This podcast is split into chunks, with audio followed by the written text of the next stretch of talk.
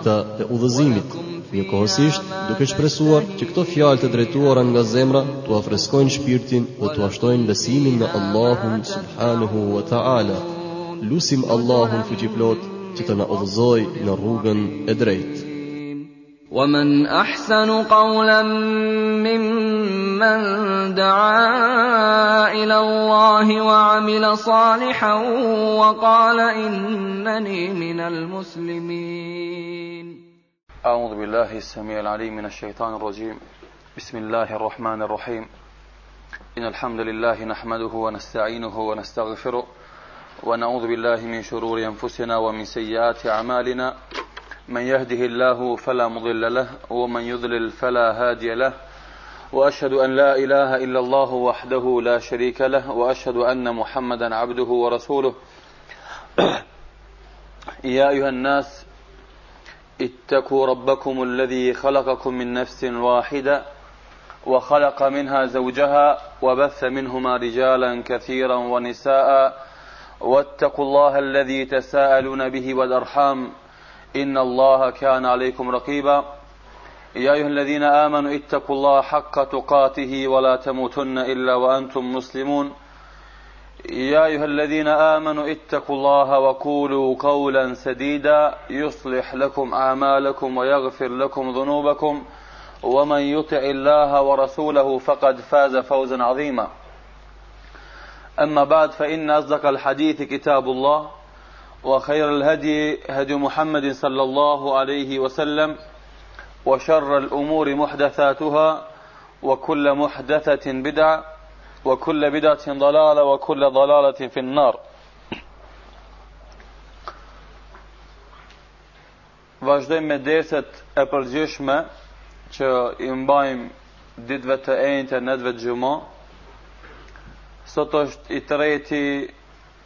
Sefer t'vitit një mijë e katërqind e njëzet e dy ose njëzet e gjashtë prill vitit dy mijë e një sipas Krishtit.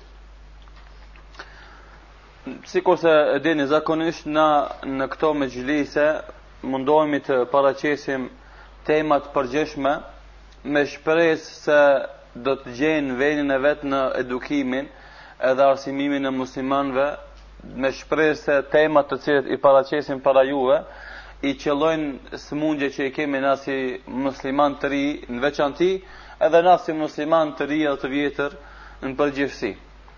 Andaj njëra prej elementeve që na si të ri edhe si të vjetër të cilit të cilës nuk i japim rëndësi të madhe është edhe koha. Faktikisht na në dersën e sotit do të flasim se si ta shfrytëzojmë kohën. Ligjëratë të ngjashme me këtë kemi pas edhe më para, mirëpo besoj që edhe kjo që ta flasim tash do të ndihmon për të përmirësue jetën tonë, faktisht për të përmirësu shfrytëzimin e kohës të cilën na ka dhënë Allahu xheleshanuhu si dhuratë, edhe pse normalisht ky material është pak në krahasim me asaj që ekziston, ndoshta edhe ndonjë ders tjetër e majmë me titull Selefi, gjeneratat e parshme dhe shfrytëzimi i kohës te ata edhe pse na në këtë ders diçka kalimthi do të përmendim mirëpo shumë pak krahasim për ndaj asaj të cilën jemi duke përgatitur për ndonjë ders të ardhshëm. Pra ata që i përcjellin lajmet e njerëzve dhe gjendjen e tyre kuptojnë se shumica e njerëzve sot kohën e kalojnë bosh. U kalojnë ditët U kalojnë javët, u kalon u kalojnë mujt edhe vitet, bile bile dikujt i kalon edhe jeta, edhe ai gjatë këtë kësaj kohe, kohe kurnisen nuk kontribon për të forcu imanin e tij, nuk kontribon për të siguru ardhmërinë e tij, ardhmërinë e tij të vërtetë edhe të realt, faktisht ardhmërinë e jetës së ahiretit. Këta njerëz e humbin kohën kot, u shkon jeta pa lidhje, janë të privuar nga dhuntitë, nga dhuntia e shfrytëzimit të kohës dhe jetës, andaj edhe e harxhojnë këtë dhunti të madhe në vepra të cilat nuk u sjellin atyne asnjë dobi.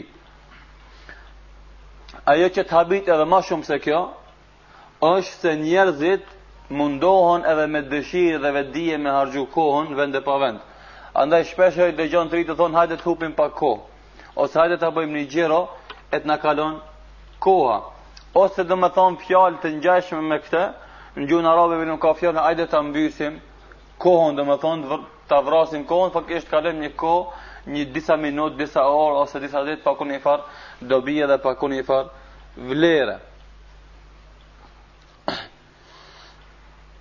Ata bile shumë herë edhe ajo gjithashtu që të habit është se e festojnë ata qka kalimin e vitit.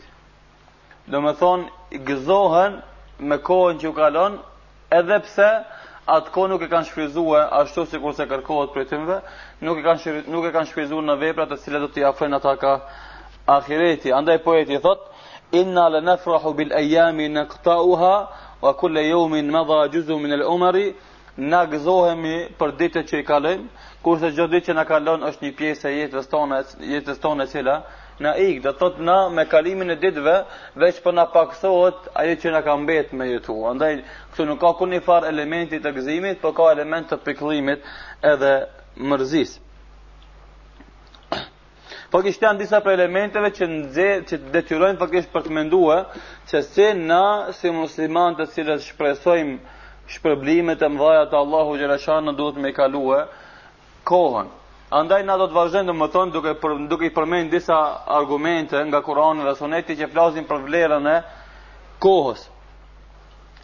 Vlera e kohës dhe rëndësia e saj. Nëse një njeri mëson vlerën e rëndësinë e kohës, ose vlerën dhe rëndësinë e një gjëje që është e shtrenjtë, edhe atëherë kjo e shtyn që të kujdeset për të. Edhe kjo është një send që asi është normal, andaj kur muslimani e kupton vlerën e kohës, atëherë do të jep maksimumin e vet për ta shfrytzue në mënyrë maksim, maksimale në dobi të vetën, në dobi të xhematit musliman. Andaj Ibn Kajimi rahimahullahu taala e sqaron këtë të vërtetë duke thonë Kjo është një fjalë me vërtet mjaft interesante nëse njerëzit e shfrytëzojnë pak këto porosi të këtyre ulemave, padyshim se kanë me pas efekte të mëdha në jetën e përditshme të muslimanëve të rinj. Koha e njeriut në realitet është ymri i tij, domethënë koha është jeta jote, nuk ka dallim. Që kët ditë që e ke jetu është një pjesë e jetës tënde. Andaj ke shfrytzuar, ke fituar, s'e ke shfrytzuar të ka kaluar dhe më nuk kthehet atë, fundi fundit domethonë do të do të do të vijë keq pse të ka kaluar kjo ditë bosh mirëpo ajo ditë nuk ka kurrfar dobie. Lënda e jetës së tij të përhershme në dhuntitë e vazhdueshme, domethonë koha është lënda kryesore e jetës së përhershme në dhuntitë e vazhdueshme, domethonë në ahiret. Dhe le, dhe lënda në anën tjetër e jetës së rëndë në vuajtje dhe Domethonë dhimbje, njëjtën kohë, nëse shfrytzon mirë, knaqesh në ahiret. Nëse nuk e shfrytzon, domethonë, është landa e parë e vuajtjeve, dështimeve, dhimbje që i përjeton në dynja. Ajo kalon sikurse retë, sikurse kalojnë retë shpejt, qashtu kalon edhe koha. Ai që e ka kohën për Allahun dhe e kalon me Allahun, sigurisht se ajo është jeta dhe ymri i tij, përndryshe nuk i llogaritet pjesë e jetës së tij. Nëse i kalon kohën në pakujdesi, lozja dhe shpresa të kota ose vepra më e mirë që e bën në atë kohë është gjumi dhe dembelia, atëherë vdekja e tij është më e mirë sesa jeta e tij. Domethënë nëse ti nuk e shfrytzon kohën atë për të garantuar lumturinë në ahiret, por të kalon në lozje, të kalon në, në vepra të këqija ose vepra më e mirë që të kalon ti është shembull futboll me lujt ose basketboll ose më e mirë se kjo me fjet, domethënë kur të flesh nuk ban gjynah, se si çohesh menjëherë ban gjynah. Kjo është e kuptimi domethënë. Andaj disa kanë thonë dijetarë se gjumi i gjynahqarit është më i mirë sesa aktiviteti i tij, sepse kur çohet prej gjumit të bën keq. Ose gjumi i zullumqarit domethënë është më i mirë sesa zgjimi i tij. Kurse Ibn Xhevziu rahimahullahu taala thotë, besoj që e keni ju të qartë dallimin mes Ibn Kajimit edhe Ibn Xhevziut, Ibn Kajimi ka qenë domethënë djali i shërbyesit të shkollës apo të cilën domethënë e ka pas emrin në bazë të Imam Ibn Xhevziut, medresetul medresetul Xhevzije. Këtë gjithashtu dhe këtë e keni vërejtë domethonë porositë e tina përmes libërthit, Porosia djalit, ku gjithashtu potencon shfrytëzimin e kohës dhe potencon ngritjen ose përvetësimin e ambicieve të larta në jetë. Thotë, njeriu duhet të dijë nderin dhe pozitën e kohës së tij dhe nuk duhet të kalojë asnjë çast me vepra që nuk janë adhurim. Duke i dhënë përparësi më të mirës e më të mirës. Domethënë, edhe në kalim, edhe në ibadete, duhet me dhënë përparësi asaj që është më e mirë, pastaj asaj që është më pak e mirë, e pastaj asaj që është më pak e mirë. Domethënë me i gradualizu gjërat. Qofshin fjalë ose vepra. Vazhdimisht le të ketë nijet për të bërë mirë. Duke mos u lodhër aspak, domethënë, në të bërit nijet, në vepra që mundet të bëjë, domethënë, trupi i tij. Edhe kjo është një element tjetër, se shumë herë, Njeriu me nijetin e vet për me bo punë të mira fiton shpërblim. Një nijet i cili me të cilin synon ta zbatojë atë, jo vetëm nijet andrrash, por nijet me ymet që ka me e zbatue.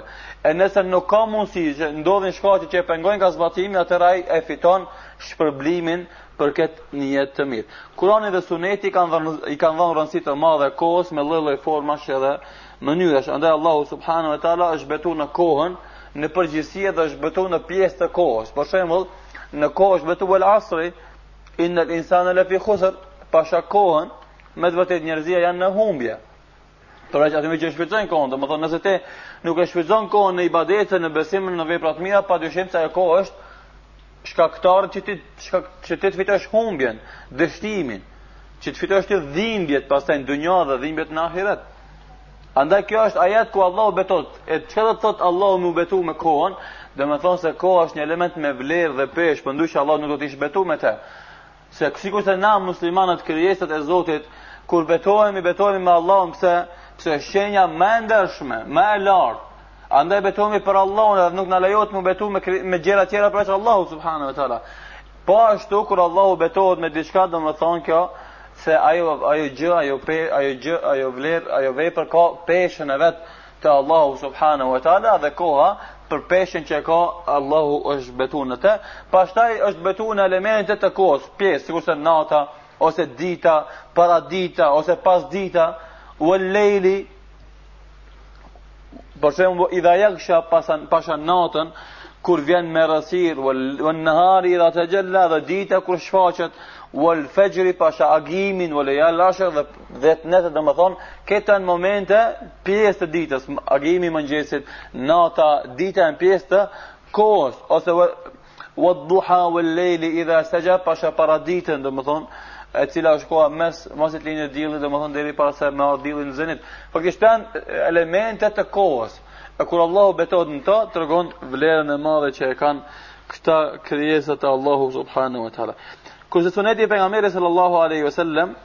Gjithashtu e përforcon vlerën e kohës dhe e konfirmon këtë të vërtetë, dhe se mu për këtë njeriu ka me dhonë përgjegjësi para Allahut xheleshanuhu për shfrytëzimin ose mosshfrytëzimin e kohës, e cila është jeta e tij. Na thamë se koha është jeta, ymri jot.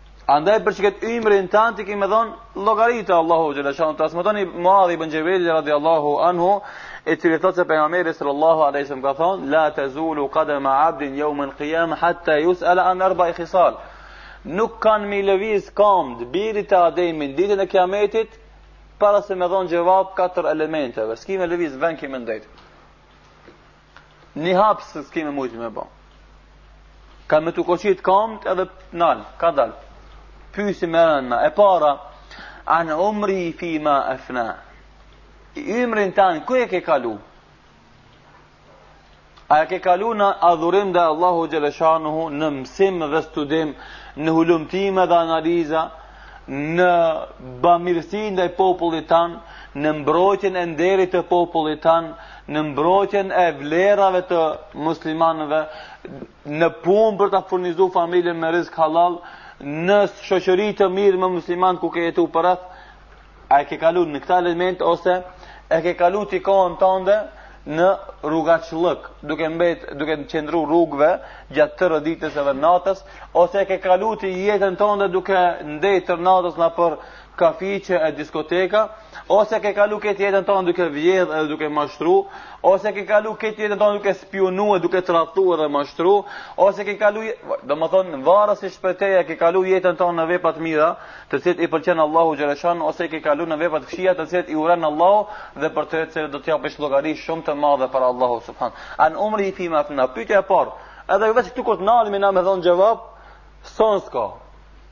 Se për çdo ditë, për çdo sekond kemi me u pyet. Nuk mundesh të ikish. Se na kena përmend darsin e kalum se çdo grimcë e atomit e mirë, edhe çdo grimcë e atomit e keqe ka me u llogarit. Nuk met sen domethonë pa u llogarit, andaj këtu ki, ki muhabet sa dush. Ki me dhonë xhevab, saqë një kohë e gjatë ka me kalu duke dhonë ti përgjigjen e kësaj pyetje. Pastaj u an shababihi fi ma abla, edhe rininë, domethonë ku e ka kalu. Jetën, ymrin, n'çka e ka harxhu, edhe rininë ku e ka kalu. Pse tash përmendet rinia, pas jetës e ymrit, kur rinia është një pjesë e ymrit. Ulema thojnë se kjo është përmendje e elementit të veçantë par, pas asaj që është i përgjithshëm se edhe ymri e ka, për, e kaplon edhe, edhe rininë për me tregu vlerën që e ka rinia edhe në ato momentet e rinisë njeri ose e fiton xhenetin ose e fiton xhehenemin në rini Andaj rinia është sikurse kejt na e dimë, pjesa ma vitale e shoqërisë, pjesa, pjesa ma shpresëdhanëse e shoqërisë. Andaj, nëse edhe rinia një populli shkatërrohet, atëherë atë popull ti mos e numëro se ka mundësi me pas sukses edhe fitore në jetën e vet. Përderisa rinia, është gjallë, mundohet me kontribu në mirëqenien e popullit vet, mundohet me mbrojt nderin e popullit vet, atëherë ka ymit se ai popull është i gjallë dhe është i fuqishëm. Edhe prej atij popullit priten sende, domethënë fitime dhe sende përparimtare në rruzullin tokësor. Andaj edhe është përmend veçanti rinia, pasi që na kejt e dimë zotën afton në rini, edhe Arsimimi ndodh edhe edukimi ndodh edhe kontributi ma i madh që e jep njeriu ndodh në rini. Andaj edhe na kemi pas ndërmend më herët mirëpo ja që Allahu xhelshanuhu nuk e ka bo kader akoma që të flasim për rininë e ashabëve të pejgamberit alayhissalam shohim se çfarë dallimi i madh ka mes rinisë së sotit edhe rinisë në kohën e ashabëve të pejgamberit alayhissalatu wassalam Sepse na shpesh edhe mendojmë se kejt janë në kohën e Ebu Bekrit, në kohën e pejgamberit alayhissalam që kanë pas 50-60 vjet. Se Ebu Bekri ka qenë mocanik me pejgamberin alayhissalam edhe Umeri ka qenë mocanik, Uthmani gjithashtu ka qenë përafërsisht i vjetër. Mirëpo ka pas shumë sahabe tjerë që kanë qenë shumë të vegjël. Mirëpo me vjet. Mirëpo përballë kësaj kanë bo punë madhështore. Edhe na vazhdimisht e kemi përmend, po nuk ka dert nëse përmendet përsëri se Usame ibn Zejdi, Ka qenë shumë i vogël, 17 ose 19 vjet, mirëpo ka udhëheq ushtrinë e madhe të muslimanëve për luftë me bizantinët. Ani kjo nuk është një përgjegjësi e vogël, përgjegjësi shumë e madhe. Në, asi, në ato vite, sot na po i mushim ka 25-30 vjet e s'po dina me udhëheq kurnjë sen, as vetveten. E jo më diçka ma shumë një grumull të madh të muslimanëve. Kjo tregon kvalitetin që kanë pas ata djem të ri, sepse rininë e vet e kanë mbush me ibadet, me adhurim, me respekt ndaj pejgamberit sallallahu alajhi wasallam, edhe me edukim nën kujdesin e pejgamberit sallallahu alajhi wasallam. Mu për këtë edhe përmendet rinia si një etapë e veçantë në hadithin e pejgamberit sallallahu alajhi wasallam. Pastaj wa an malihi min ayna iktasabahu wa fi ma anfaqa do të jep llogari gjithashtu për pasurinë ku e ke fitu edhe ku e ke harxhu, domethënë këtu ka hyrje dalje. Masi në pasuri ka hyrje dalje, llogarit hyrjen, llogarit daljen, për me pa ti a je në fitim, a je në humbje njëjtë edhe këtu, ku e ke fitu? Nga e ke shti ti në buxhetin tan, a e ke shti ti prej halalit apo prej haramit? Edhe ku e ke harxhuar? E ke harxhuar në halal apo e ke harxhuar në haram? Edhe çka? Wan ilmihi madha amila bihi edhe për diturinë e vet çka ka punu me të. Andaj na bisedojmë vazhdimisht me vëllezërit.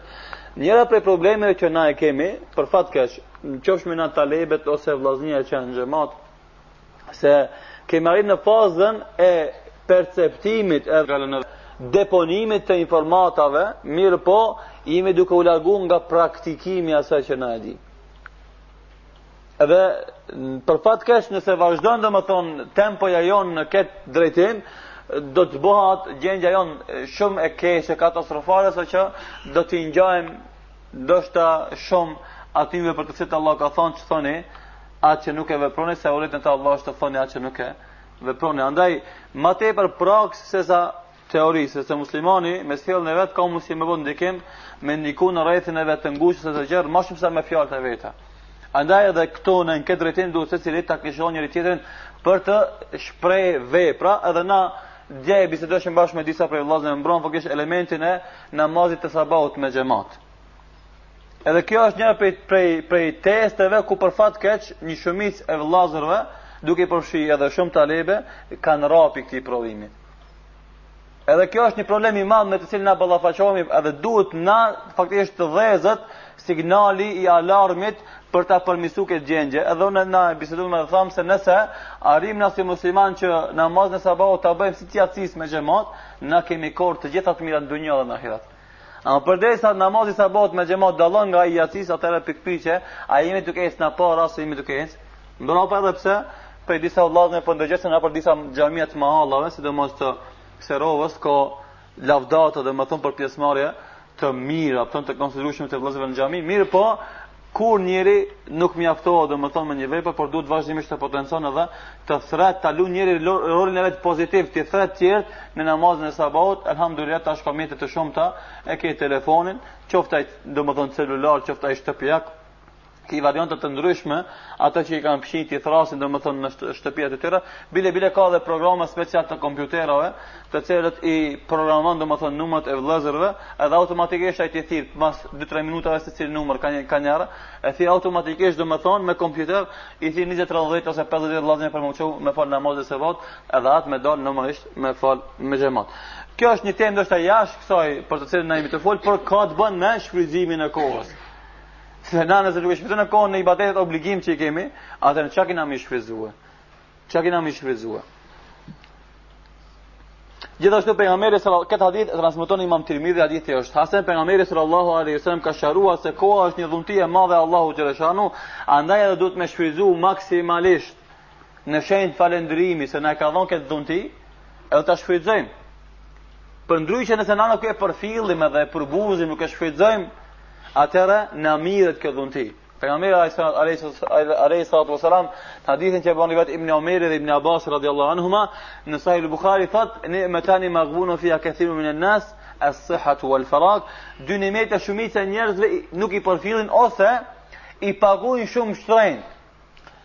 Se bejul gaben, gaben, çka, arabisht çka domethonë? Domethonë, kur e kini shansë shembull me blenë një mall shumë lirë, mirëpo nuk e përfill, e le pas dore. Mas një kohë, paraqitet nevoja e madhe për atë mall, edhe duhesh me pagujt 5 fish ma shumë për me marrë. Domethonë duhesh me pagujt shumë fish, ma tepër për me marrë se tash ke nevojë për atë. Qe kjo është gaben? Dy dhunti të Allahut xhelleshanuhu, shumë njerëz nuk i përfillin, nuk i bin mas në kohë, por i lonë mas dore, e kur të vjen koha, me dalë para Allahut xhelleshanuhu, kem' me u mundue një sekund me kthy prapa, me thonë një herë, subhanallah. Andaj një, një ditë qesh duke shfletue internetin, në një faqe, edhe po thotë, a, a don të fitosh gjëra që nuk i ke prit, edhe e klikon aty, hyn, Edhe ai thot prit pakës. Tu prit thot sa je duke prit thuj subhanallahu alhamdulillah wala ilaha illa allah wallahu akbar. Edhe pret 1 minut, edhe në fund thot a fitove sevape thot selam aleikum çaçën. Forë e kompjuterit për të shti me bo sevape. Alhamdulillah që ka edhe kësi njerëz që me zor të shtin me bo sevape. Kryesorja është se na duhet me shfrytzu kohën. Andaj unë njëra prej vërejtjeve që jemi duke i përsërit disa herë te vllaznit, mosinteresimi për pjesëmarrje në mexhliset e ilmit, ose interesim faktisht i një numri të kufizuar të vëllezërve, shumica e vëllezërve pranojnë veten se janë mbi ilmin. I ka bën ndoshta 5-6 vjet në Islam namaz ose 10 vjet edhe tashmë s'ka nevojë me marr pjesë në mexhlise të ilmit. Thotë që e kam mësu këtë Islamin edhe pse asnjë alim s'e ka mri funin, skajin, e këtu te ne ka njerëz që i kanë dalë përtej ilmit. Kjo është problem tjetër, i cili gjithashtu ndihmon edhe ndikon ndihmon në përmis në shfrytëzimin e kohës maksimalisht sepse mexhlisi i ilmit është element ku shfrytëzohet koha dhe e dyta ndikon në mos shfrytëzimin e kohës. Sepse ti në momentin kur kur s'kemë qenë ndër, kemi qenë me një vepër, ai vepër ka mundësi me kon e padobishme, mos të them e keqe dhe ka mundësi me kon e dobishme, mirë po zakonisht në momentin kur nuk prezanton mexhlisi i ilmit është kohë e padobishme, Me thonë pat pozicion, as plus e as minus. Maksimumi që ka mundësi me qenë, a zakonisht disa herë ka mundësi me konë edhe negativ. Andaj edhe këtu ne secili prej vlezërve duhet ta potencon me të madhe, edhe të ngjall interesin edhe të shpreh nevojën për këta mexhlise. Pra këto mexhlise të ilmit, pa marrë parasysh a është ky ders, apo janë derse të ngjashme të vëllezërve që i mbajnë, nuk është me rëndësi. Me rëndësi është që muslimani mos ta kalon, se fundi fundit në, në 24 orëshin, nuk bëjmë ne asen tjetër përveç këtyre mexhliseve që ndoshta bëhen sebep dhe e fitojmë ne rahmetin e Allahut subhanahu wa ta'ala. Pra këta ishin, ishin disa ajete dhe hadithe që flasin për vlerën e kohës edhe pse ka shumë argumente tjera, që e potencojnë dhe e nxjerrin në shesh vlerën e kohës. Cilat janë obligimet e muslimanit ndaj kohës, të cilën Allah ia ka dhënë dhuratë? Thamë na se koha është dhuratë e madhe e Allahut xheleshanuhu, ndaj duhet me shfrytëzu maksimalisht.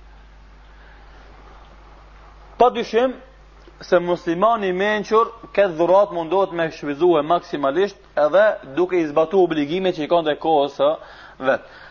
Prej obligimeve që i ka, një, është që të kujdeset ta shfrytëzon kohën maksimalisht. Domethënë mos t'i derdhet, mos t'i ik asnjë pjesë, asnjë sekundë, asnjë milimetër e kohës pa e shfrytëzu në interes të vetin, për çështje të dynjas edhe të ahiretit. Andaj nëse një njeri kujdeset me të madhe për pasurinë e vet edhe e ruan at, duke di se fundi fundit ka me dalë prej dynjaje dhe ka me lonë pasurinë, s'ka me mujtë me marrë me veten në varr. I thojmë qenka njeri i mençur, kujdeset për një dhunti që ka dhonë Allahi. Çka do të ishte rasti për kohën, atëherë, edhe rujtjen edhe kujdesin për kohën, e cila është një vepër, ose është një, një element, që ka mundësi me ardhë me ty në varr edhe bilem pas varrit. Nëse ti e shfrytëzon kohën maksimalisht. Andaj tek muslimant kujdesi për pasuri duhet me qenë ma e vogël ose ma i vogël se kujdesi për kohën. Edhe pse sot është e kundërta. Kujdesi për pasuri për një dinar është shumë ma i madh se kujdesi për një minutë.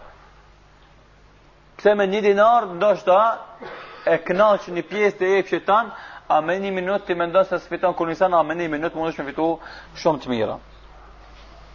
Andaj dietarët e selefit rahimahumullahu taala kujdeseshin me të madhe për kohën, sepse ja dinin vlerën. Ata kujdeseshin që mos t'u kalojë asnjë ditë, as gjysmë dite, ose ma pak se gjysmë dite, pa fituar gjëra të dobishme, ose pa bërë vepra të Ta pa luftuar vetveten edhe pa i bërë mirë ndokujt tjetër. Domethënë vazhdimisht janë mundu me shfrytëzu kohën në vepra që e kënaqin Allahun subhanahu wa taala. Andaj Hasan Basriu rahimullahu taala ka thonë, kam takuar shumë njerëz që më shumë kujdeseshin për kohën e tyre, saqë ju sot kujdeseni për pasurinë tuaj. Edhe na inshallah sikurse thashë në fund të dersit do të mundohemi të bëjmë ders të veçantë rreth selefit dhe shfrytëzimi i kohës, se si ata e kanë shfrytëzuar kohën maksimalisht edhe nuk kanë leju që të ikë asnjë grimcë e minutës e mos folim për ditë të tëra. A na e dimi prej domethënë shoqërimit tonë me shumë vëllezër, e dimi se i kalon gjithë dita Edhe kurrnjë vepër përveç namazit farz që fal në xhami nuk bën. As libër me lexu, as kasetë me ndëgju, as nasihat me dhon, as këshillë me dhon, as me vizitu një vëlla t'vetin, as një buzëqeshje nuk e nuk bën elemente shumë që janë të vogla, ama janë shumë dobiprurëse. Edhe pastaj konsiderohet dikush prej neve se është i lartë në islam edhe ka arrit domethënë shkallë të nartë në islam. Dy, obligimi parë ishte shfrytëzimi i kohës, kujdesi për ta shfrytëzu kohën maksimalisht. Dy, Kujdesi për ta rregullu kohën tonë, mos na bëhet jeta jonë kaotike, parregullume, çrregullume. Por veprat të jenë të renditura njëra përmbi tjetrën. Të kemi rend në jetën tonë. Edhe normal që ai rend është i thym. Pse është i thym? Sepse sot muslimanët në, në tokën tonë, domethënë familjarisht po rri deri 11-12. Individualisht deri 1-2. Edhe kur të bish në 2 ora ti normal se as sabah s'un çohesh. Le që s'un çohesh sabah por mas sabahit, masnej dush me flet deri në drekë. Edhe qe prej, qe prej këtu fillon çrregullimi pastaj i ditës edhe i kohës tënde. Andaj muslimani i mençur duhet ta rregullon kohën e vet mes obligimeve edhe veprave të ndryshme fetare dhe profane. Ta rregullon kohën e vet. Domethonë se studenti për shembull ka nevojë për 4-5 orë me mësue. Mirëpo, mos me harru që gjysmë ore a një orë t'ia jep dinit Allahut xheleshanuhu, përveç farzeve. ose të lexon disa faqe të Kuranit, ose të bën dhikr, ose të ndëgjon naj gjysëm kasete të dersit, ose të këshillon dikan diçka të bën për din. Do të t'i rregullon punët e veta. Obligimet ndaj Allahut i ka të parat, pastaj ka obligime domethonë ato ndaj vetvetes edhe, edhe familjes vet, që është aty hyn studimi, respekti ndaj prindërve, pastaj obligime që ka ndaj shoqërisë, E pastaj fillon me veprat vullnetare, me nafile, domethënë ato të namazeve, të agjërimit, të dhikrit, e kështu me radhë, edhe obligime vullnetare që i ka ndaj farefisit nëse ka kohë, domethënë për të, për të ndejt me ta pak ma shumë, e kështu me radhë. Andaj një burrë i mirë, thotë, koha e njeriut është katër pjesë, S'ka të pestë, domethënë vetëm katër. Dhunti, një pjesë është dhunti, ose është sprovë, e dyta, ose është respekt, e treta, ose është mëkat e katërta.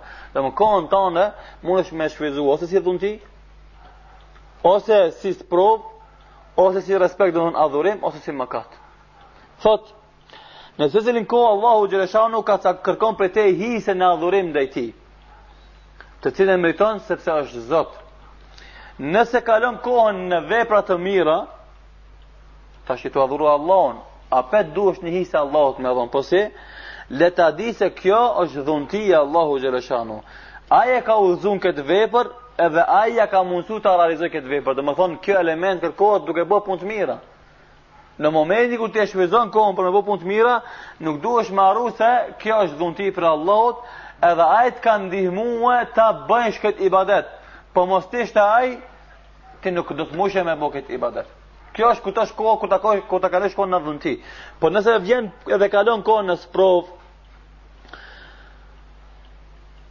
Faktikisht kjo është një ibadet, nëse kalon kohën në sprovë, Atëherë duhesh të bësh sabër edhe të jesh i kënaqur me kaderin e Allahut subhanahu wa taala. Nëse kalon kohën në dhunti, duhet ta falënderosh Allahun xheleshanuhu, sepse prej tij të ka ardhur. E ai që e kalon kohën në mëkate, çka duhet me bo? Duhet me bo tobe dhe istighfar. Sa ma shpejt, sa nuk e ka regjistru meleku në fletorin e vet, domethënë n'at 6 orëshin që e pret meleku derisa të bën tobe edhe Istigfar. Ose ke bo, je duke bo punë të mira, mos harro se pe Allahut e ke, ose ke dhunti, falënderoje Allahun, ose ke sprovë, sabër edhe kënaqu me këtë caktim, ose e ke mëkate bën teube edhe istigfar. Pra rregulloje kohën tone maksimalisht në veprat të cilat e kënaqin Allahun. 3. Shfrytëzoje kohën boshe, mos len kohë bosh. Edhe pse s'ka kohë boshe, mirëpo, shembull, zakonisht ndodh, vëllezërit që janë pak me vendbanim ma larg sesa qendra e Shkupit, në Butel shembull, ose në Aerodrom, ose në veri, ose e, mahallë të ndryshme të Shkupit, kur t'i hipa 25 minuta, dhe domethonë, 15-25 minuta, nëse i shpenzon ti në dhikër, kjo është me të vërtet një dhikër shumë i madh. Po së paku, së paku mundesh me lexu ti nga dhetë faqe, të secilit libër, qoftë formati i madh, qoftë formati i vogël. Nëse jeta jote vazhdon 2-3 vjet në, në trend të tillë, Domthon ti lexon shumë libra vetëm se qat kohë boshe duke shfrytëzu ose në dhikr ose duke lexuar Kur'an ose duke këshilluar dikën prej vllazënve, kryesore që qat kohë me kalu ti në vepra të dobishme për jetën tënde.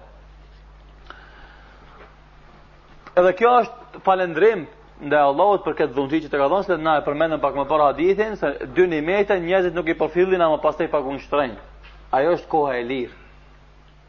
Edhe secili prej neve le ta ketë parasysh se na jemi të ri, për shembull, ata që janë nxënës ose studenta ose të papunësuar, tash ke kohë shumë të madhe.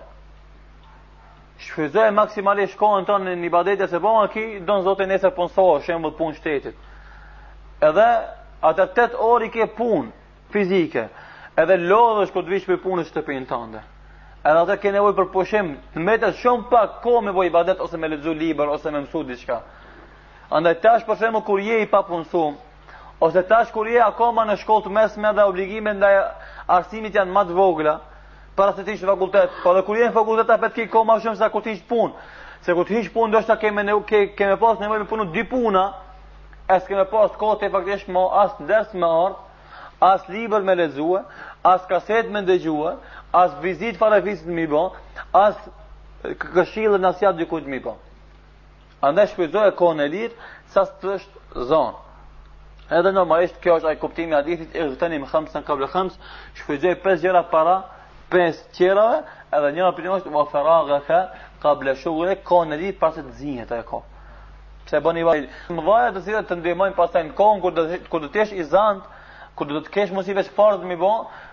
ke mjaft ke rezervua dhe ke kursu, domethënë ke tubu mjaft sevape, të cilët kanë mundësi me ndihmu domethënë në ditët ku, ke, ku do të mundesh veç se farzet me i zbatu.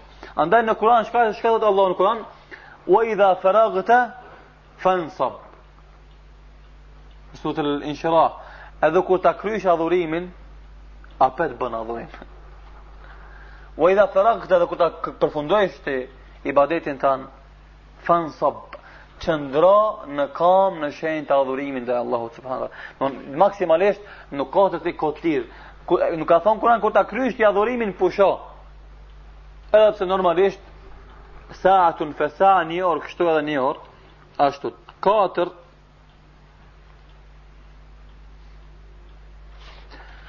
Po kishte këto janë tre metodat ose tre obligime që i ka besimtari ndaj kohës së vet.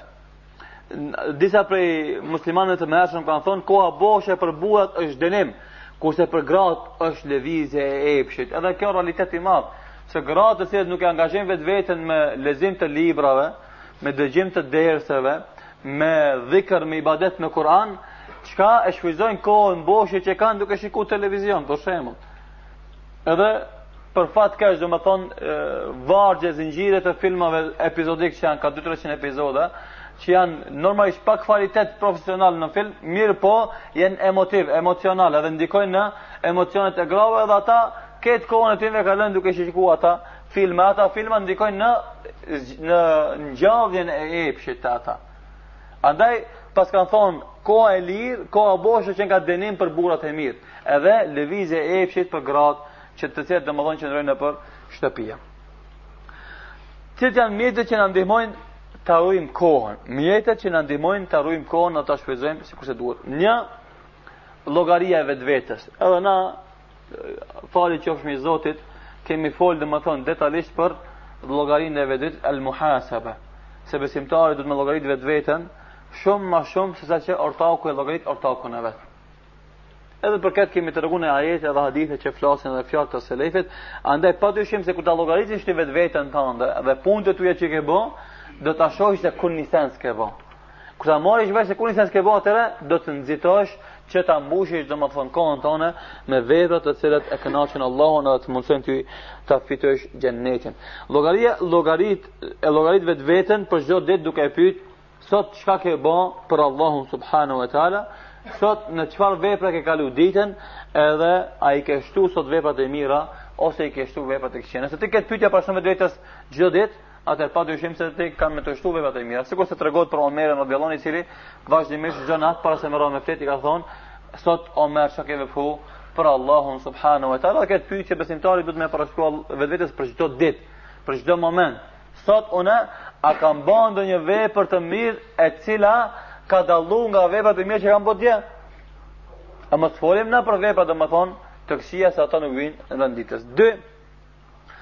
Ta edukojmë vetveten në ambicje të larta.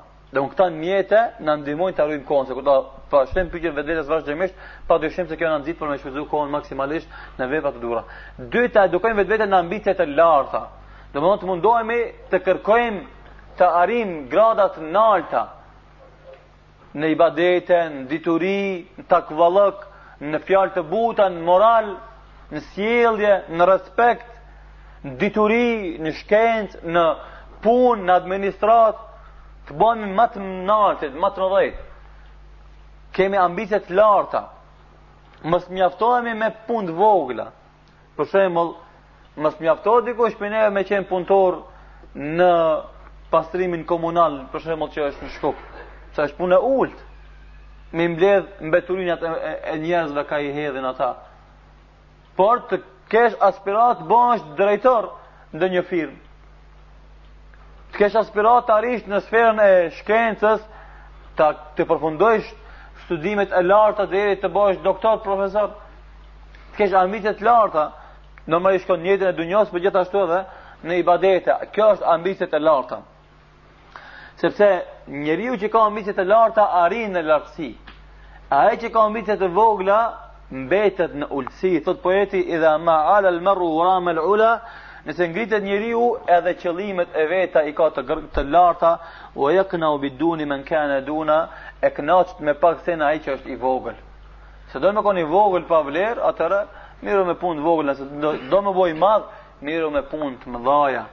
Edhe na këtë vazhdimisht e kemi i kemi këshillu vëllezërit në këtë element, duke duke jua përkujtuar hadithin e pejgamberit alayhis salam që i ka mësuar muslimanët me lyp Firdosin, që është xheneti më i lartë. Pse për me i mësu muslimanët, me i eduku muslimanët me lyp më të lartën. Që nëse nuk e mrin më të lartën, barem i afrohesh së lartës. Problemi jonë qëndron mu në këtë element se na knaqemi me pak, Jo, nuk duhet. Nisemi na prej maksimumit. E nëse zbresim, zbresim afër maksimumit. Ama nis, nëse nisesh ti me minimum, ti as minimumi s'ke mundësi me arrit. Andaj kërkesat e tuja në jetë duhet me qenë maksimale. Edhe nëse nuk arrit maksimumi, ke me arrit afër maksimales. Kjo është rregull, kanun të cilin Allahu e ka krijuar në shoqëri, edhe kët kanun nuk ka mundësi me kapërcy kurkush, nëse nuk e kupton domethënë si duhet. 4 3 Shoqërohemi me ata njerëz që e ruajnë kohën. Zotin na më së shumti që bëhemi dembela dhe përtaca dhe pasiv, duke nejt me dembela dhe përtaca dhe pasiv. Që kjo po na mbyt neve këtë kohën. Se në xhamatin tonë, domethënë djem të ri ku ku jetojmë na, ka djem që janë badihavxhi gjithë ditën shëtisin udhëve, rrinë nëpër çajtore kështu me radh. E tash ti nëse rrin me ta, edhe ti ki me u bo si ai. Mirëpo në të njëjtën kohë ka nxënës të cilët për shembull gjithë ditën rrin në bibliotekë ose në leximore. Edhe lexojnë mësojnë, ose tjetri dhe vazhdimisht punon me fitu rizkun, ose i treti vazhdimisht mirret me ilm, atëherë rri ti me ata që janë të punës, pse që të mësosh prej tyne dhe ti pun, të ngjallë te ti oreksi për pun, për aktivitet, për lëvizje. Andaj, poeti thotë,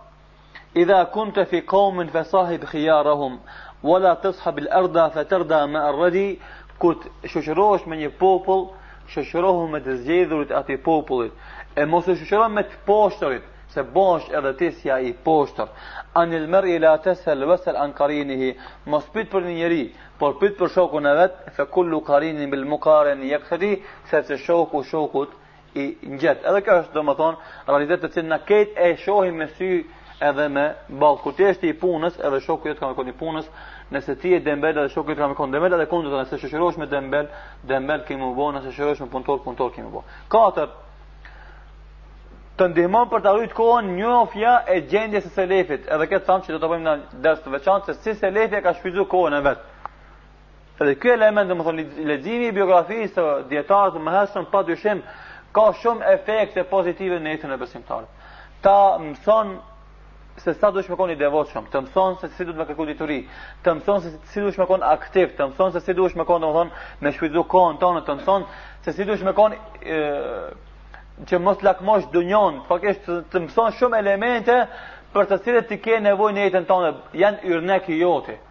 Se na shumë herë kemi thonë se në jetën tonë të përditshme nuk kemi na yrnek të madh shembëlltyr, e cila ka me qenë shembëlltyra jonë direkte. Edhe pse dikush ka mundësi me kon parcialisht shembëlltyrë e dikujt, ama e plot nuk ka. Ku janë këta? Janë gjeneratët e mëhershme, jetët e tyre, biografia e tyre. Lexoji ata, edhe edhe vepro si kanë vepruar ata bi idhnillah taala, ke me fitu dunjën edhe ahiretin. Sepse ata kanë dhënë shembëlltyrën më të mirë në shfrytëzimin e kohës, e minutave, çasteve, sekondave, nuk u ka kalu asnjë asnjë moment, asnjë çast pa e shfrytëzuar në rrugt të Allahut subhanahu wa taala. 5. Mundohu t'i ndrrojsh veprat, kesh lloj-llojshmëri në veprat e mira që bën, sepse njeriu prej natyrës vetë mërzitet me një vepër. Shembull, nëse ti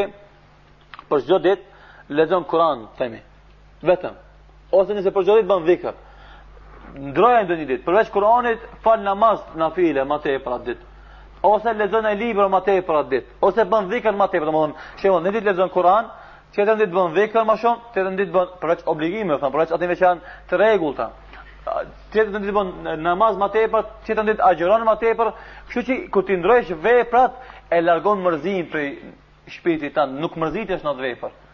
Llojshmëria e veprave e largon mërzimin prej teje.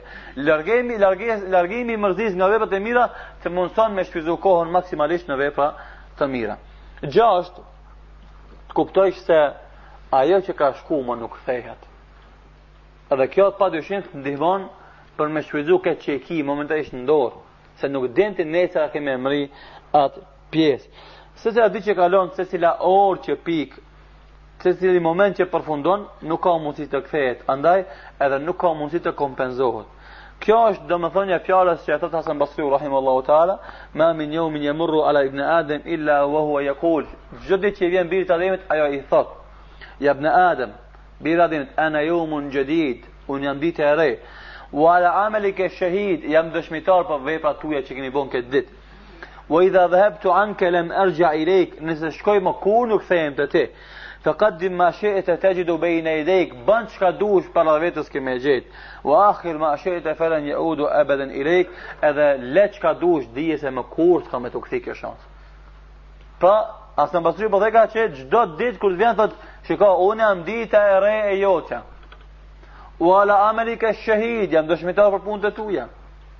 Puno çka dush, kur kur the kur shkoj më unë nuk kthehem. Puno çka dush ke me gjet para vetes, lën çka dush më unë kurr nuk kthehem te ti. Shtat, kujto momentin e vdekjes edhe daljes së shpirtit, sepse edhe kjo të ndihmon për me shfrytzu kohën maksimalisht, nuk e di ju në bëmon, kjo është ka momenti i fundi që e foli. Andaj ta shfrytzoj në vepër të mirë, sepse më s'kam kthim mbrapa, Kur të niset njeriu me u largu nga dunjaja dhe të drejtohet nga ahireti, do të shpreson t'i jepet shans një çik, një moment, një sekond të kthehet të mbetet i gjallë dhe të bën një vepër të mirë, mirëpo koha i ka kalu, afati i ka skadu, nuk ka mundësi me u kthy prap, i ka përfunduar koha e punës edhe i ka ardhur koha e llogarisë edhe shpërblimit, andaj përkujtimi i këtij realiteti, këtij fakti e bën njeriun të kujdesshëm në shfrytëzimin e kohës në gjëra që e kënaqin Allahun subhanahu wa taala. Tet, largohu nga shoqërimi i njerëzve që e humbin kohën kot, domethënë nga dembelat, përtacat, sikurse kjo ka të bën me temën domethënë para kësaj kur të nesh me burra aktiv të gjallë, domethënë entuziast punëtor ke me u bë si ata, nëse rri me dembela ke me u bë gjithashtu sikurse dembelat shoqërimi i njerëzve përtacë dhe përzierja me, me ata që humbin kohën është derdhje e energjisë pa vend dhe humbje e kohës. Fundi i fundit, njeriu krahasohet me shokun e vet, andaj Abdullah ibn Mesud radhiyallahu anhu thot: "I'tabiru ar-rajula mimman biman yusahib." Njerin vlerësone me shokun e vet, fa innama yusahibu rajul man huwa mithluhu, sepse njeri shoqërohet me atë që është i ngjashëm me të. Pra, nëse ti je dembel, ke me nejt me dembel, nëse je i gjallë, ke me nejt me të gjallë, nëse je aktiv, ke me nejt me ata që janë aktiv. Nant, edhe elementi i fundit që ndihmon për ta shfrytzuar kohën maksimalisht, është se përkujto përgjigjen që duhet me dhon në ditën e ahiretit, ta si një pyetje që na i parashtrojmë në fillim të dersit, domethonë do të japësh përgjigje për jetën ku e ke kalu, për rinin ku e ke harxhu, për pasurinë ku e ke fitu dhe ku e ke harxhu, edhe për diturin tone çka ke vepru sipas saj. Andaj, nëse ti vazhdimisht i kujton përgjigjet e këtyre pyetjeve dhe mundohesh ti me përgadit përgjigjen, atëherë s'ki vakt me humb kot. Do të mundohesh me mbush kohën tone me vepra të cilat do të ndihmojnë që përgjigjet e tua të jenë sa më sakta dhe sa më të shëndosha para Allahu subhanahu wa taala. Pra pa dyshim, përkujtimi i këtij momenti të ndihmon në kujdesin ndaj kohës dhe shfrytëzimin e asaj në gjëra të cilat gjithashtu e kënaqin Allahun subhanahu wa taala. Do t'i përmendim në vazhdim disa fjalë të selefit që për vlerën e kohës, thot Hasan Basriu, ja ibn Adam, bir i Ademit, innama anta ayyam, ti je ditë. Domethonë ti je disa ditë të tubuara më një vend. Idha dhahaba yawmun dhahaba ba'duka, nëse shkon një ditë ka shku një copa jote. Nëse shkon një ditë ka ka ik një copë e jote. Andaj ti për çdo ditë domethënë i ke bo 25 vjet, i ke bo 30 vjet, kanë shkuar ato copat e jetës tane. Kanë met edhe ata që kanë met, a nuk e din ti sa të kanë met. Thotë gjithashtu Hasan Basriu, ja ibn Adem, bir i Ademit, neharuka dhajfun fa ahsin ilejhi, dita është misafir te ti, sillju mirë misafirit tan. Pse? Se nëse i ban mirë misafirit tan, lavdrohet me ty edhe të përmen, masë E nëse i ban keq mysafirit tan, të akuzon edhe të shan pasi del prej teje. Po njëjtë edhe nata, janë mysafir, mundohu të sillesh mirë, domethënë bon punë të mira që të kujtojnë për të mira, thotë gjithashtu Hasan Basriu, "Ed-dunja thalathatu ejam, dunja janë 3 ditë." Dunja janë 3 ditë. Një ajo që ka kalu, edhe më nuk kthehet prap. Tjetra ajo që vjen, nuk e din a ke me e mrri.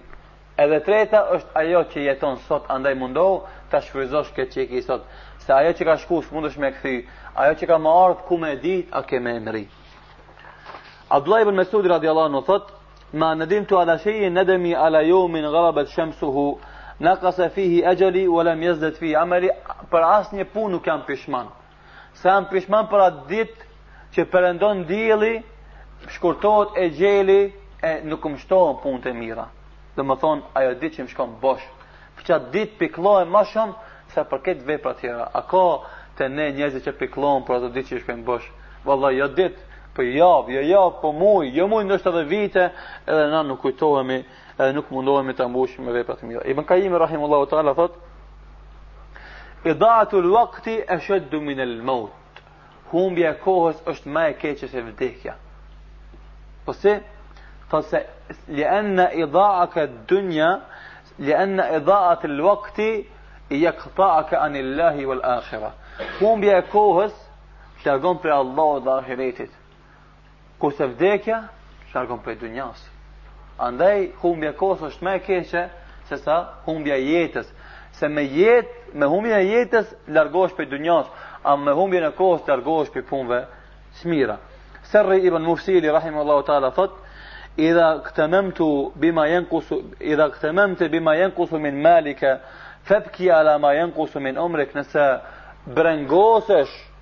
kur të paksohet pasuria, qaj kur të paksohet ymri, me ditët që të kalojnë domethonë, bosh.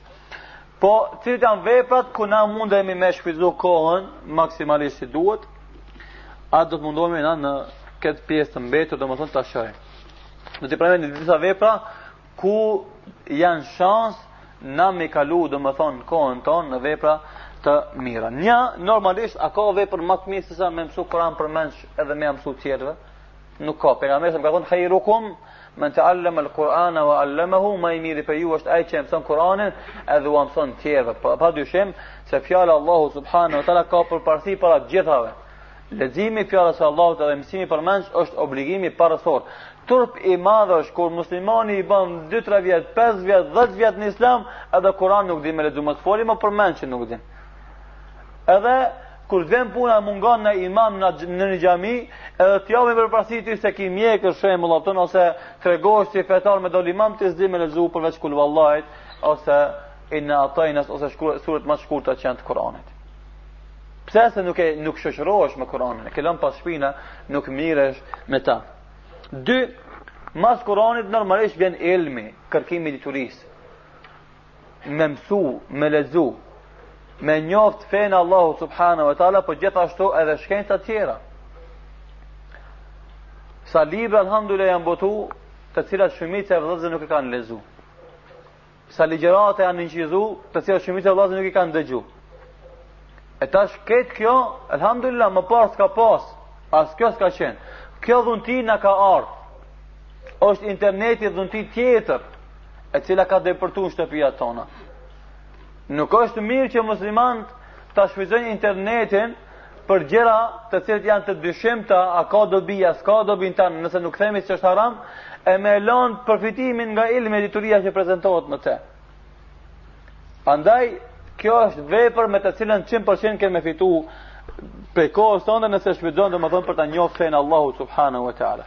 Shfrytëzimi i kohës në kërkimin dhe nxënia e diturisë ka mënyra të ndryshme, Prej tyre është pjesëmarrje në ligjërata të rëndësishme, dëgjimi i audioshiritave, leximi i librave të dobishme, blerja e tyre, dhurimi domethënë i librave ose audiokasetave, kjo është kjo vepër e cila të ndihmon në shfrytëzimin e kohës maksimalisht. Tre, ta përmendim Allahun xhel-le shanuhu, të bëjmë dhikr. Na kena përmend shumë herë vlerën e dhikrit, dobitë e dhikrit. Andaj edhe thash pak më parë përmenda se me thon subhanallahu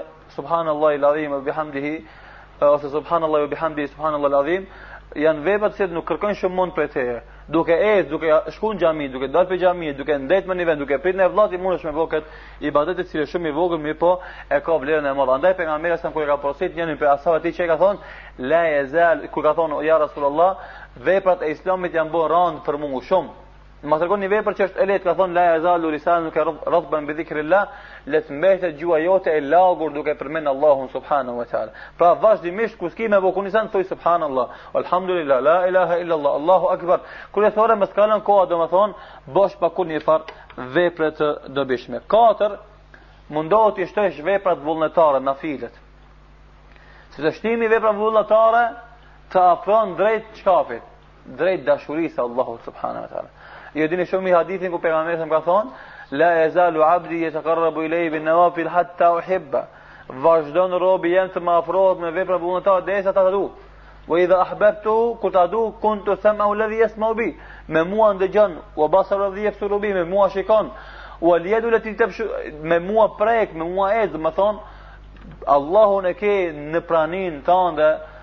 forcën e Allahut e këtë praninë tonë fiton domethënë dashurinë e Allahut subhanahu wa taala.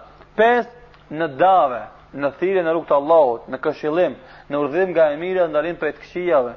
Alhamdulillah, na për këtë mejdan kemi hapësirë sa të dush sa dush. Secili prej neve në familjen e vet ka negativitete. Ka njerëz që s'falin namaz, ka njerëz që s'janë të mulum, ka njerëz që bëjnë harame. Elhamdulillah ti ke domethënë hapësirë për me bo dave normalisht me fjalë të buta dhe të urta, me metoda të qelluara, me sjellje të mirë. Jo të bëhesh shkak t'i largosh ata prej islamit, por të bëhesh shkak t'ua dashurosh islamin në zemër me vepra dhe me fjalë të mira. Allahu në Kur'an thotë kul hadhi sabili adu ila Allahi ala basiratin thuaj kjo rruga ime thrras në këtë rrugë me dituri. Ana wa man ittabani unë edhe ata që më pasojnë Mu domethonë pejgamberi sa, edhe pasuesit e pejgamberit thrrasin në rrugën e Allahut subhanahu teala me dituri edhe me fjalë të urta. Gjashtë, vizita e farefisit edhe përkujdesi ndaj tyre. Hin gjithashtu në obligimet, ob, ibadetet që e shfrytzon kohën. Vizita e farefisit është ibadet nëse e bën me nijet. Andaj këtu është ai problemi se dikush e bën vizitën e farefisit si rutinë. Jo, e bën me nijet për ibadet. Edhe e shfrytëzon si rast për t'i këshilluar ata, për t'i për t'u përkujdes për ata nëse janë të varfër për shembull ose shembull ndonjë familje nuk ka djem ka vetëm vajza ka nevojë për kush i ndihmon do me raste të ndryshme ka shoqëria e përkujdesi ndaj ndaj farefisit hin domethënë vizita hin domethënë këshillimi ndaj tyre hin ndihma materiale nëse ka nevojë hin ndihma domethënë ajo e krahut nëse ka nevojë e kështu me radhë pejgamberi sallallahu alaihi wasallam e ka përmend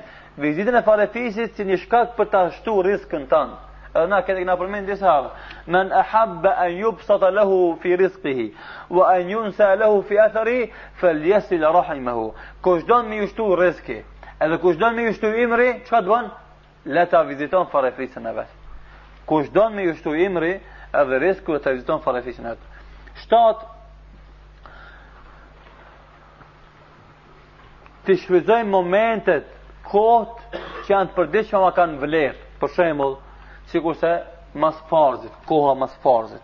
Sikurse koha mes ezanit edhe ikametit. Sikurse ko, sikurse koha domethënë e pjesës së tretë të natës para sabahit. Pra ka disa momente që janë më të vlefshme se momente të tjera. E shfrytëzimi i këtyre momenteve maksimalisht është gjithashtu prej veprave që na ndihmon në shfrytëzimin e kohës. Gjithashtu edhe pika e tetë, domethënë shfrytëzimi i kohës në mësimin e shkencave profane, të dobishme, zanateve. Pra, nëse nuk je tu shku në shkollë, ke kry shkollën e mesme dhe s'don me vazhdu, mos rri rrugëve shko dikun mëso zanat. Mëso bënu zdrukthtar ose mekanik ose autolimar ose pikë faktikisht ki shumë zanate ose këpustar ose rrobaqepës ose orëndreqës mos rri kot puno diçka është e gabuar ajo moto që është përhap tek të rit badjava rri, badjava nuk punoj e kundërta është e muslimoni badjava punoj, badjava nuk rri Sepse në punën badjava, në thonjëza, ka bereqet. Se jotja është ajo që e bën punën, e tjetra është do të Allahu, subhanahu wa ta'ala. Andaj, kohën që ke në disponim shfrytëzo për të mësu, për të kryu fakultet e universitet, po s'pate aftësi dhe mundësi, atëherë mëso zanat e puno mos rri bosh, sepse kurkush s'e ka pa hajrin badjavgjillukut, e as na s'ka mundësi me pa hajrin, domethonë me ndejt kot pa kurrnjëfar pune, pa kurrnjëfar vepre. Edhe dy elementet e fundit domethonë që e dëmtojnë me të madhe kohën dhe shfrytëzimin e kohës, ato janë gafleti mospërfillja, domethonë nëse i kemi me veti këto të meta na e mbysin kohën edhe zvarritja. Gafleti është një sëmundje shumë e rrezikshme me të cilën janë infektuar shumica e muslimanëve të sodit. Gjersa e kanë humbur ndjenjën për vlerën e kohës, nuk ka te ata më koha vlerë. Kapërcen 5-6 saat muhabet tu bo. Ama çka bëjnë muhabet? Kurgjë. Veç 5-6 saat prej vendi nuk lëviz tu bo muhabet. Gaflet i madh. Allahu xhelle shanuhu në Kuran thot, ose dikush ka 8 saat rend mirës. 8 saat, si të hungjët, bile bile ka pas raste, kur ia kanë çu ushqimin, sepse s'ka vakt i zanë tu bo, çka, e tu bo muhabet bosh, tu folë. S'ka aftën, se na muna me folë elemente të dobishme, një saat, edhe ajo shumë tepër, na sikur ders, kur po majmë një saat, po i zë gjumi njerëzit. Edhe domethonë, s'mundet me thonë dikush që 8 saat kam dave kombone. A ti disa asë në po ngon e ki me folë dave, ki me bo ni saat. Domethonë bosh muhabet po bën. Kapërcen kohën pa nevojë edhe para harxhon edhe kohë harxhon. Unë me disa prej vëllazënve kena bisedu, nëse ti bën lexon Kur'an gjashtë orë, po ti s'ka kush ta shkon apo. Andaj është mashtrim i shejtanit ajo që është tu u përhap me të madhe, na jemi tu përgatit material rreth mjecit dhe internetit për rininë, se si duket është sëmundja që po përhapet me të madhe në mesin e muslimanëve tonë për të këshilluar me me qenë me kufi, me shfrytzu në vepra pa të cilën s'kan mundësi apo jo me xhirit me ndejt ka shtat ka tet sat ose ka 2-3 sat në mes edhe me kalu do të thon atë kohë në vepra që nuk kanë kurrfarë dobi. Andaj gafleti është problem shumë i madh. Allahu në Kur'an subhanahu te'ala thotë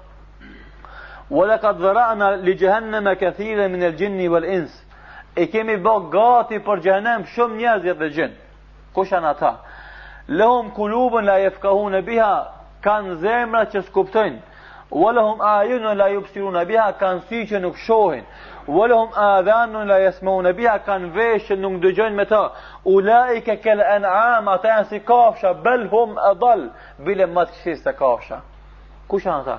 Ulaike humul ghafilun, këta janë ata gafilat.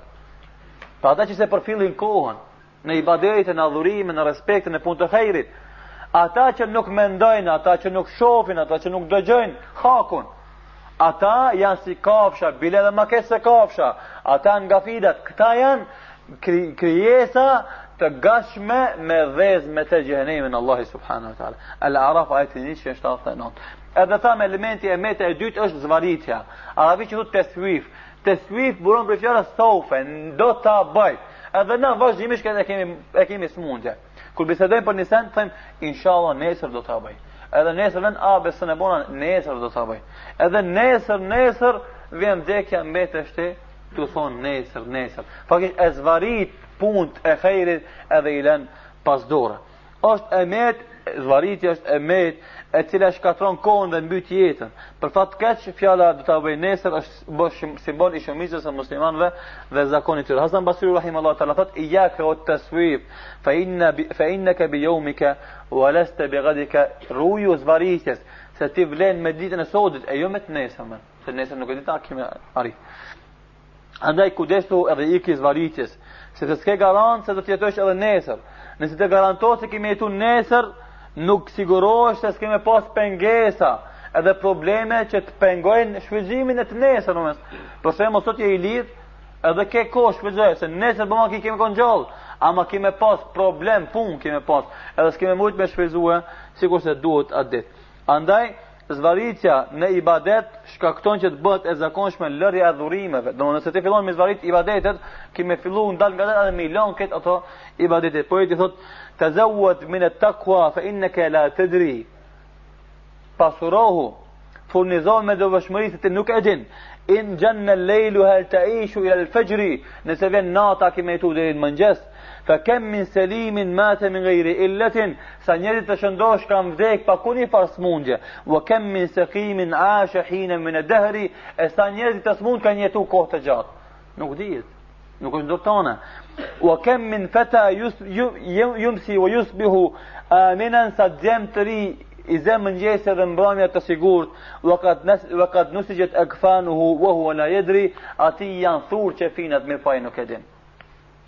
Andaj ti nuk ke garancë.